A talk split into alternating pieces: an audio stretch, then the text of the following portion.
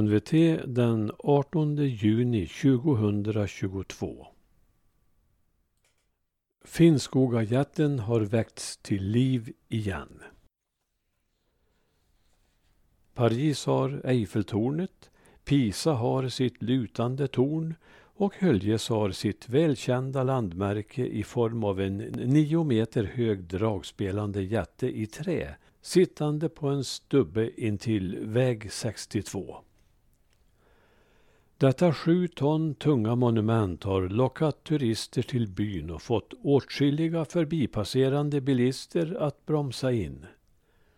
Den har satt sin prägel på Höljes och har presenterats bland annat i Finnairs magasin.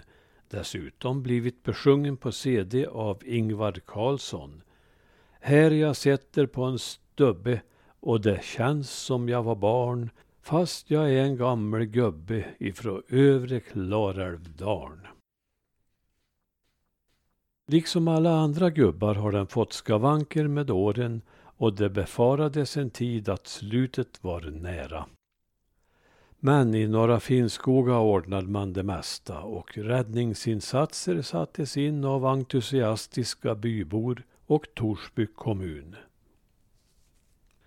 Nu är både gubbe och stubbe renoverade och jag tror att skaparen Lasse Kuparinen själv skulle ha glatt sig åt resultatet.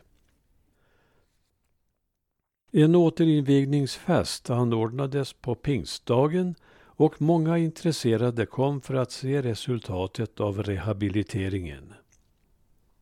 Kommunens representanter Anna-Lena Karlsson och Thomas Stjärndorf fanns på plats liksom givetvis medlemmarna i den nybildade föreningen Finnskogajättens vänner. Anna-Lena klippte bandet under övervakning av föreningens Britta Nordberg och Line Bengtsson.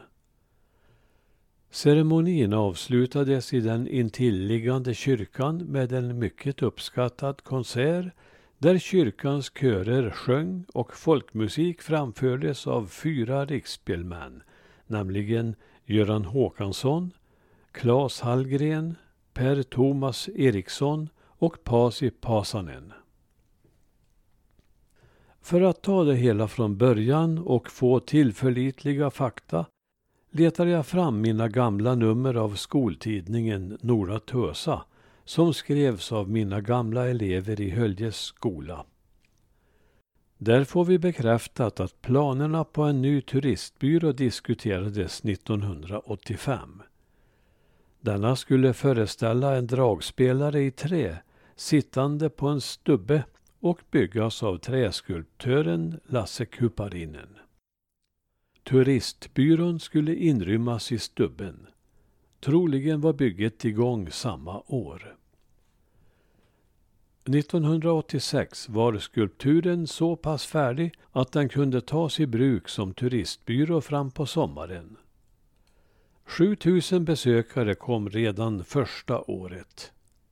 Jag vill minnas att konstnären hade lite svårt med tidsramarna och att några hjälpte till med påförande av färg för att få allt klart till turistsäsongen och att detta i hög grad misshagade konstnären. Det hela löste sig hur som helst och den 13 juni 1987 skedde den högtidliga invigningen. Det var föreningen Fintur som hade stått för beställningen av den udda turistbyrån och som skulle ansvara för driften. I planerna ingick att årliga dragspelsstämmor skulle hållas vid jätten, men det blev bara tre. Jätten drog dock vägfarande till turistbyrån liksom till populära samlingar och fester på gräsplanen. Bland särskilt uppskattade evenemang var Peter Boas grisfester. I landsorten är det mycket som ska drivas ideellt och ibland räcker inte krafterna till. Fintur, som skött turistbyrån fram till 2000-talets början, skänkte den till Norra Finnskoga byalag som drev verksamheten vidare en tid.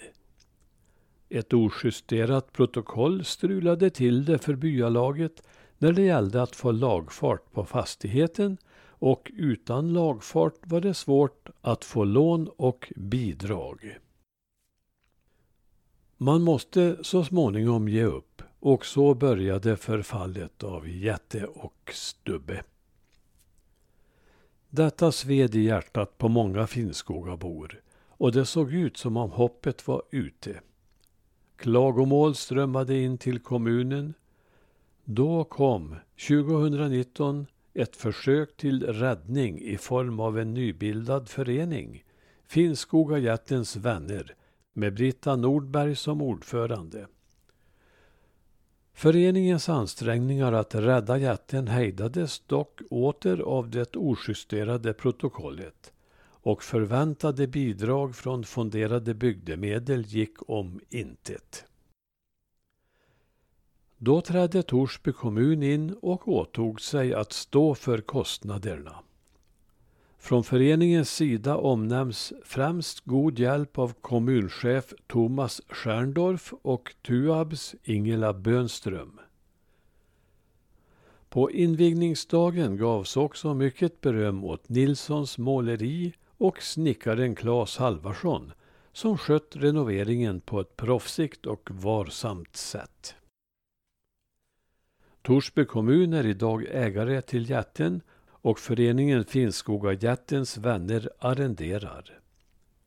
De närmaste planerna är att anordna sommarkafé tre dagar i veckan. Dessutom kvällar med nävgröt och kolbullar. Någon turistbyrå i egentlig mening är det inte som återuppstår. Även om broschyrer och goda råd kan ges åt besökare bortifrån. Allt arbete sker på ideell basis.